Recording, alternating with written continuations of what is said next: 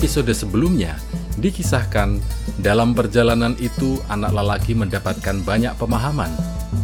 Dari pengamatannya terhadap karavan itu, padang pasir, dan juga dari binatang-binatang dalam perjalanan itu. Dia juga mendapatkan banyak pengetahuan baru dari orang Inggris itu. Di sisi lain, padang pasir itu sedang terjadi perang antar suku. Bagaimana kisah anak ini bersama rombongan karavan itu selanjutnya? Selamat menikmati episode ke-9 ini.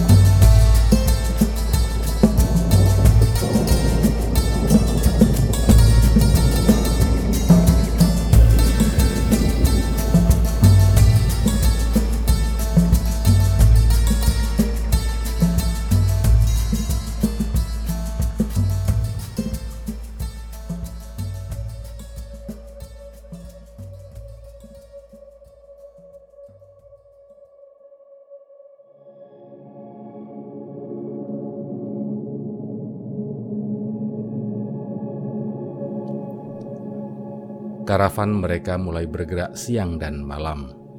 Orang-orang Badui yang bergerudung semakin sering muncul, dan si pemandu unta yang telah menjadi teman baik anak itu menjelaskan bahwa perang antar suku sudah mulai. Beruntung sekali kalau karavan mereka bisa mencapai oasis. Binatang-binatang sudah lelah, dan para anggota rombongan semakin sedikit berbicara satu sama lain. Keheningan menjadi aspek yang paling parah di malam hari. Bunyi erangan unta pun yang sebelumnya sekadar erangan unta, sekarang membuat takut orang-orang sebab mungkin saja menandakan ada serangan. Tapi kelihatannya si pemandu unta tidak terlalu mencemaskan ancaman perang. Aku masih hidup, katanya pada si anak sambil makan serenceng kurma pada suatu malam, tanpa nyala api unggun dan tanpa cahaya bulan. Kalau sedang makan, hanya urusan makanlah yang kupikirkan. Kalau sedang berjalan, aku berkonsentrasi pada urusan berjalan. Kalau aku mesti bertarung, mau mati hari apa pun tak ada bedanya bagiku. Sebab Aku tidak hidup di masa lalu ataupun masa depan. Aku hanya tertarik pada saat ini. Berbahagialah orang-orang yang bisa berkonsentrasi untuk saat ini. Akan kau lihat bahwa di gurun ini pun ada kehidupan. Di langit sana bintang-bintang bersinar, dan suku-suku berperang karena mereka bagian dari umat manusia juga. Hidup ini akan terasa seperti pesta bagimu, suatu festival meriah. Sebab hidup ini adalah saat yang kita jalani sekarang ini.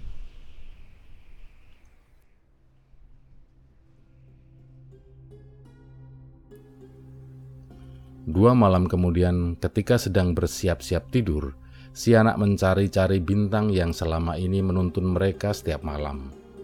Dia merasa cakrawala agak lebih rendah daripada biasanya, sebab sepertinya dia melihat bintang-bintang di padang pasir itu.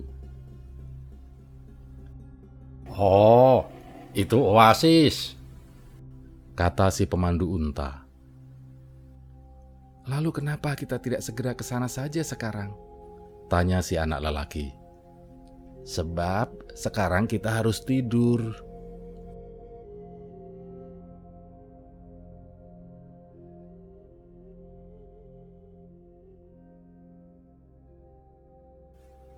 Anak itu terbangun bersama terbitnya matahari. Di hadapannya, di mana malam sebelumnya dia melihat bintang-bintang kecil, tampak deretan pohon kurma yang seolah tanpa akhir terentang di seantero padang pasir itu. Haha, kita berhasil! Kata si orang Inggris yang juga terbangun di pagi-pagi. Tapi anak itu diam saja dia merasa nyaman dengan keheningan padang pasir dan puas sekadar memandangi pohon-pohon itu. Masih jauh jarak yang harus ditempuhnya untuk mencapai piramida-piramida.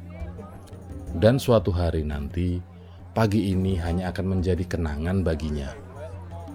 Tapi seperti inilah suasana saat ini. Pesta yang disebutkan pemandu unta itu semalam, dan dia ingin menikmatinya, seperti halnya dia menikmati perjalanan-perjalanan yang diperolehnya di masa lalu dan impian-impiannya untuk masa depan. Meski suatu hari nanti pemandangan pohon-pohon kurma ini akan tinggal kenangan. Sekarang ini, pohon-pohon itu menjanjikan tempat-tempat berteduh, air, dan perlindungan dari perang. Kemarin, rangan unta seperti menandakan bahaya, dan sekarang deretan pohon kurma ini menyuarakan keajaiban. Dunia ini bisa bicara dalam banyak bahasa, pikir anak itu.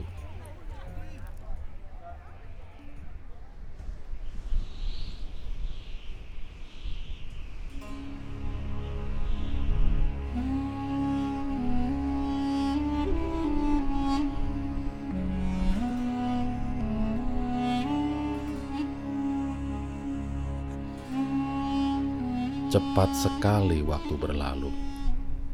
Begitu pula rombongan demi rombongan karavan, pikir sang alkemis sambil mengawasi ratusan orang dan binatang yang tiba di oasis itu. Orang-orang berseru-seru meneriaki para pendatang baru itu. Kepulan debu menghalangi sinar matahari gurun dan anak-anak di oasis itu bersorak-sorak gembira menyambut kedatangan karavan asing itu. Sang alkemis melihat para kepala suku menyalami pimpinan karavan dan berbicara panjang lebar dengannya. Tapi semua itu tidak penting bagi sang alkemis. Dia sudah banyak melihat orang-orang datang dan pergi, sementara padang pasir itu tetap tak berubah dia telah melihat raja-raja dan para pengemis menapaki gurun pasir. Bukit-bukit pasir senantiasa berubah bentuk tersapu angin. Namun pasir itu sendiri telah dikenalnya sejak dia masih kanak-kanak. Dia selalu senang melihat kebahagiaan yang dirasakan para pengelana saat mereka melihat lagi kehijauan pohon kurma setelah berminggu-minggu hanya melihat padang pasir kuning dan langit biru.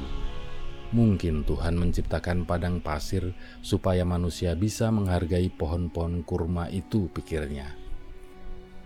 Dia memutuskan untuk berkonsentrasi pada urusan-urusan yang lebih praktis. Dia tahu di antara rombongan karavan itu ada seseorang yang mesti diajari rahasia-rahasianya. Dia mengetahui hal ini dari pertanda-pertanda yang dialaminya dia belum tahu siapa orang itu, tapi matanya yang terlatih akan bisa langsung mengenalinya kalau orang itu muncul nanti. Dia berharap orang ini sama cakapnya dengan muridnya terdahulu.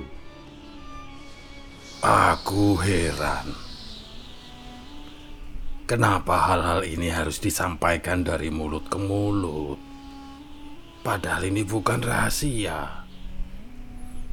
Tuhan menyatakan rahasia-rahasianya dengan begitu saja pada semua makhluk ciptaannya. Hmm. Hanya ada satu penjelasan untuk hal ini. Hal-hal tersebut harus disampaikan dengan cara ini karena mereka terbuat dari kehidupan murni. Dan kehidupan jenis ini tidak bisa ditangkap dengan gambar-gambar ataupun kata-kata. Sebab orang-orang mudah terpesona oleh gambar-gambar dan kata-kata hingga pada akhirnya mereka melupakan bahasa dunia, bahasa universal, alam semesta.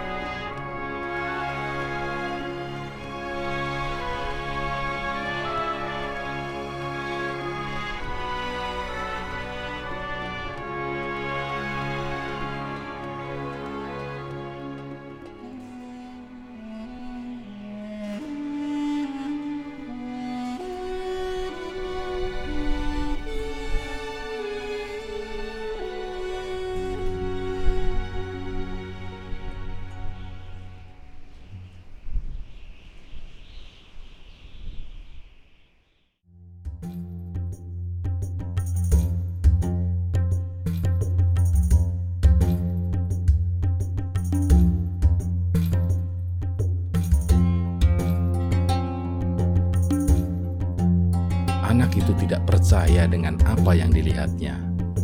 Oasis itu ternyata bukan sekadar sumur dengan beberapa batang pohon kurma di sekitarnya, seperti pernah dilihatnya di buku geografi, melainkan jauh lebih besar daripada kota-kota Spanyol. Ada 300 sumur, 50 ribu pohon kurma, dan kemah-kemah berwarna tak terhitung jumlahnya tersebar di antara pohon-pohon itu. Wah, seperti pemandangan di kisah seribu satu malam. Kata si orang Inggris itu yang sudah tak sabar ingin bertemu dengan sang alkemis. Mereka dikerubuti anak-anak kecil yang penasaran ingin melihat dari dekat binatang-binatang serta orang-orang yang baru datang itu.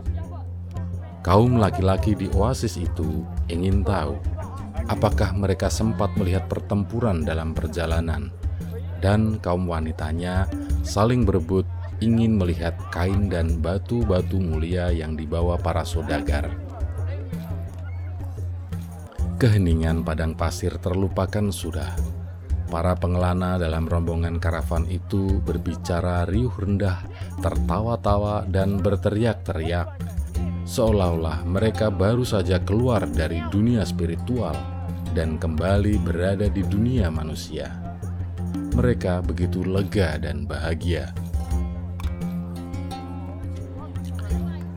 Semasih di padang pasir, rombongan mereka sudah mengambil langkah-langkah untuk waspada. Tapi si pemandu unta menjelaskan pada anak laki-laki itu bahwa oasis selalu dianggap wilayah netral, sebab Sebagian besar penghuninya wanita dan anak-anak. Banyak oasis di sekitar bentangan padang pasir itu. Tapi kaum prianya berperang di padang pasir, sementara oasis-oasis dijadikan tempat perlindungan. Dengan agak susah payah, pimpinan karavan mengumpulkan para anggota rombongannya dan memberikan instruksi-instruksi pada mereka kelompok mereka mesti tetap tinggal di oasis ini sampai pertikaian antar suku berakhir. Berhubung mereka pendatang, mereka mesti berbagi tempat tinggal dengan para penduduk lokal dan mereka akan diberi akomodasi terbaik. Demikianlah hukum keramah tamahan. Kemudian dia meminta agar setiap orang, termasuk penjaga-penjaganya sendiri, menyerahkan senjata mereka pada orang-orang yang telah ditunjuk oleh para kepala suku. Begitulah hukum-hukum perang, si pemimpin menjelaskan. Oasis ini tidak boleh menampung tentara atau pasukan Si anak lelaki terheran-heran ketika orang Inggris itu mengeluarkan revolver berlapis krom dari dalam tasnya dan menyerahkan pada orang-orang yang bertugas mengumpulkan senjata. "Kenapa membawa revolver?" tanyanya. "Benda itu membantuku mempercayai orang," saut si orang Inggris. Sementara itu, si anak lelaki memikirkan harta karunnya. Semakin dekat dia dengan mewujudkan impiannya, semakin sulit situasi-situasi yang dihadapinya. Sepertinya keberuntungan pemula, seperti istilah raja tua itu, tidak lagi menyertainya.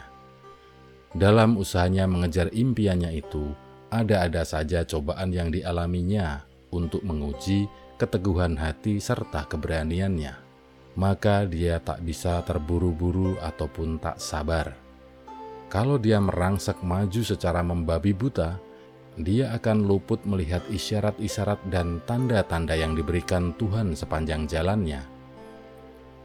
Tuhanlah yang telah menempatkan tanda-tanda dan isyarat-isyarat itu di sepanjang jalanku. Dia terkejut sendiri dengan pemikiran ini.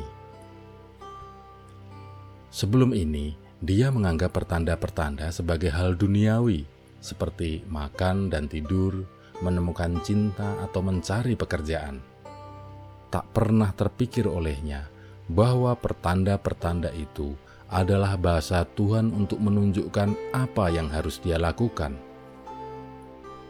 "Janganlah engkau tak sabar," dia berkata pada dirinya sendiri. Seperti yang dikatakan pemandu unta itu, makanlah pada saat makan dan berjalanlah pada saat harus berjalan.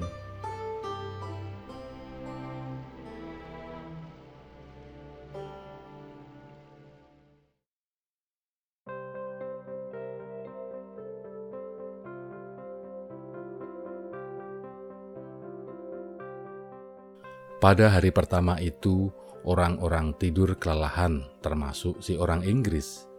Si anak lelaki diberi tempat jauh dari temannya di kemah lain bersama lima pemuda sebayanya. Mereka ini anak-anak padang pasir dan mereka mengerubunginya karena ingin mendengar cerita-ceritanya tentang kota-kota besar. Si anak lelaki menceritakan kehidupannya sebagai gembala Ketika dia hendak menceritakan pengalaman-pengalamannya di toko kristal, orang Inggris itu masuk ke dalam kemah. Wah, aku mencari-carimu sepanjang pagi, katanya. Diajaknya anak itu keluar. Aku perlu bantuanmu untuk mencari tempat si alkemis itu,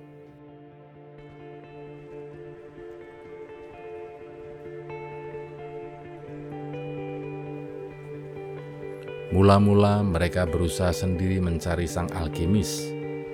Orang itu mungkin berbeda cara hidupnya dari orang-orang lain di oasis itu, dan ada kemungkinan di dalam kemahnya ada oven yang terus-menerus menyala. Mereka mencari ke mana-mana dan mendapati oasis itu ternyata jauh lebih besar daripada yang mereka bayangkan. Ada ratusan kemah di situ. Oh, kita hampir menghabiskan waktu seharian, kata si orang Inggris itu sambil duduk bersama anak itu di dekat sebuah sumur. Mungkin sebaiknya kita tanya seseorang saja, kata si anak menyarankan. Orang Inggris itu tidak mau memberitahukan alasannya datang ke oasis ini pada orang-orang. Dia jadi ragu-ragu. Tapi akhirnya dia sependapat bahwa sebaiknya si anak lelaki bertanya saja, toh anak itu bisa berbahasa Arab lebih lancar daripada dirinya. Anak itu mendekati seorang wanita yang datang hendak mengisi kantong airnya di sumur. Ah, selamat siang, Bu.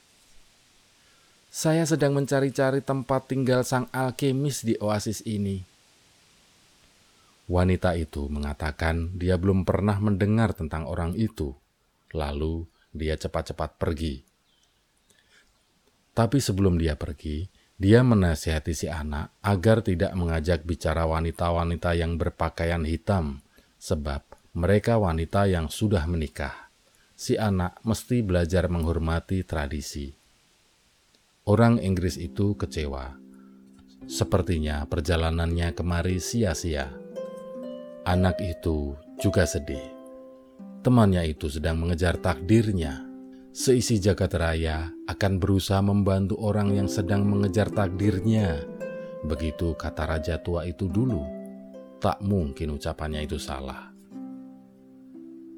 Sebelum ini, aku belum pernah mendengar tentang alkemis, kata si anak. Barangkali orang-orang di sini juga belum pernah ada yang mendengar Mata si orang Inggris itu berbinar-binar. Itu dia. Barangkali di sini tak ada yang tahu apa sebenarnya alkimis itu. Coba cari tahu, siapa di sini yang biasa menyembuhkan orang-orang sakit? Beberapa wanita berpakaian hitam datang hendak mengambil air di sumur itu. Tapi si anak lelaki menolak mengajak mereka bicara, meski si orang Inggris mendesaknya. Kemudian seorang laki-laki datang mendekat. Uh, maaf Tuan, apakah Anda tahu siapa di sini orang yang biasanya menyembuhkan orang-orang sakit? Tanya si anak. Allah yang menyembuhkan kami. Saut orang itu yang jelas-jelas ketakutan melihat orang-orang asing ini. Kalian mencari dukun-dukun sihir dia mengucapkan beberapa ayat Quran, kemudian lekas-lekas pergi. muncul laki-laki lain. Dia lebih tua dan membawa ember kecil. Anak itu mengajukan pertanyaan yang sama. Kenapa kau ingin mencari orang semacam itu? Tanya orang Arab itu. Sebab temanku ini sudah berkelana berbulan-bulan untuk menemui orang itu. Sahut si anak. Kalau ada orang semacam itu di oasis ini, dia pasti orang yang sangat berkuasa itu. Sahut orang tua tersebut setelah berpikir beberapa saat. Bahkan para kepala suku pun tak bisa melihatnya, meski mereka ingin. Dia hanya bisa dilihat kalau dia sendiri bersedia untuk dilihat. Tunggulah sampai perang berakhir, lalu pergilah dengan karavanmu. Jangan coba-coba masuk ke dalam kehidupan oasis ini. Kata orang itu, lalu pergi. Tapi orang Inggris itu sangat senang. Mereka berada di jalur yang benar rupanya. Akhirnya, seorang wanita muda tampak mendekat. Dia tidak berpakaian hitam Wanita itu membawa buyung di bahunya. Kepalanya tertutup kerudung, tetapi wajahnya tidak bercadar. Si anak lelaki mendekatinya untuk menanyakan tentang sang alkemis.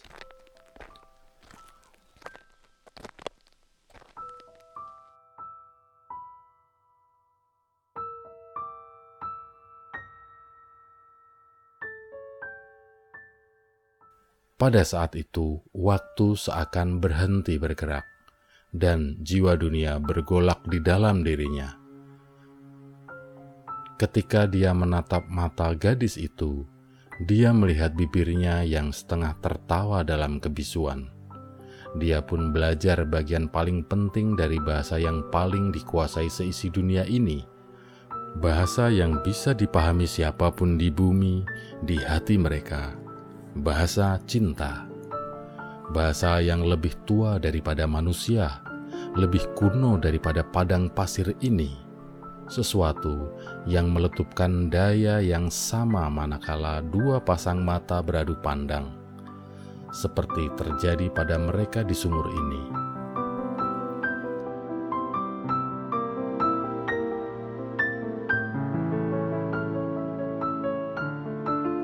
Gadis itu tersenyum. Ini jelas pertanda, pertanda yang telah ditunggu-tunggu anak lelaki itu tanpa menyadarinya sepanjang hidupnya. Pertanda yang selama ini dicari-carinya bersama domba-dombanya di dalam buku-buku yang dibacanya di antara kristal-kristal itu dan dalam keheningan padang pasir ini. Bahasa dunia yang murni bahasa yang tidak membutuhkan penjelasan, seperti halnya jagat raya ini tidak membutuhkan penjelasan dalam perputarannya di ruang-ruang waktu yang tak berujung. Yang dirasakan si anak pada saat ini adalah dia sedang berhadap-hadapan dengan satu-satunya wanita dalam hidupnya, dan tanpa perlu dijelaskan dengan kata-kata, gadis itu juga merasakan hal yang sama.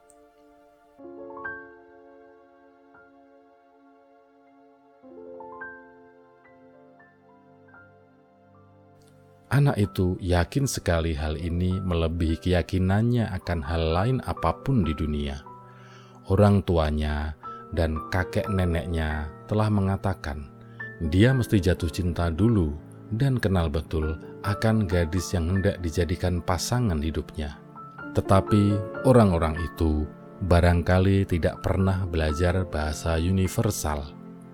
Sebab kalau kau mengerti bahasa tersebut, mudah saja memahami bahwa ada seseorang di dunia ini yang menanti-nantimu, entah di padang gurun atau di kota besar.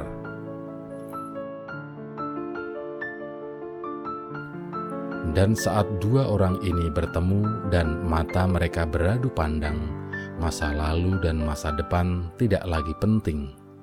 Yang ada hanyalah saat ini, serta keyakinan yang amat sangat bahwa segala sesuatu di bawah matahari ini digoreskan oleh satu tangan yang sama.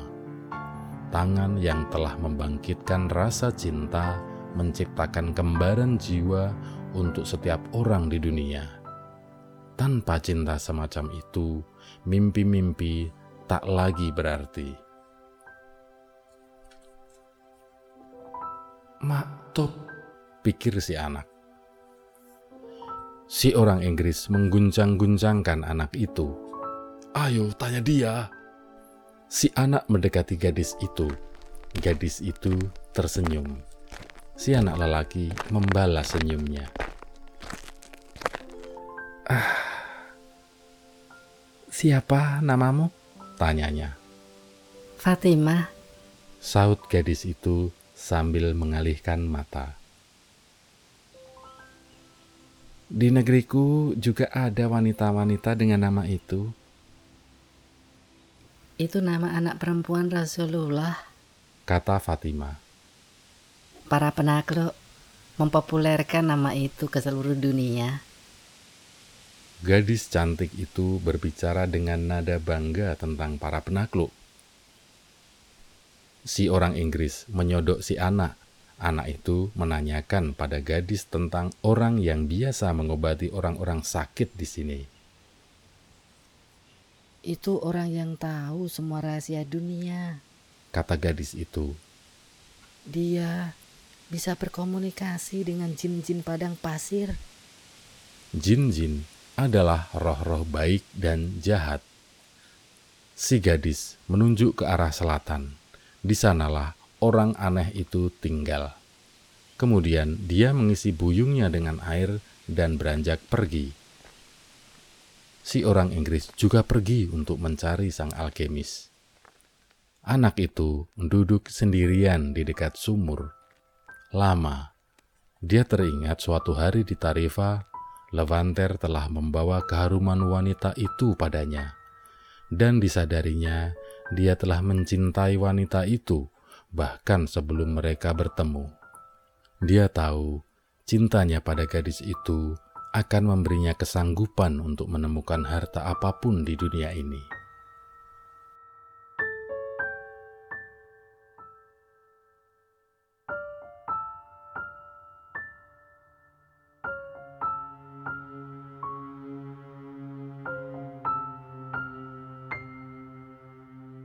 Demikianlah kisah si anak kelana dalam episode ke-9 pembacaan dramatik ini.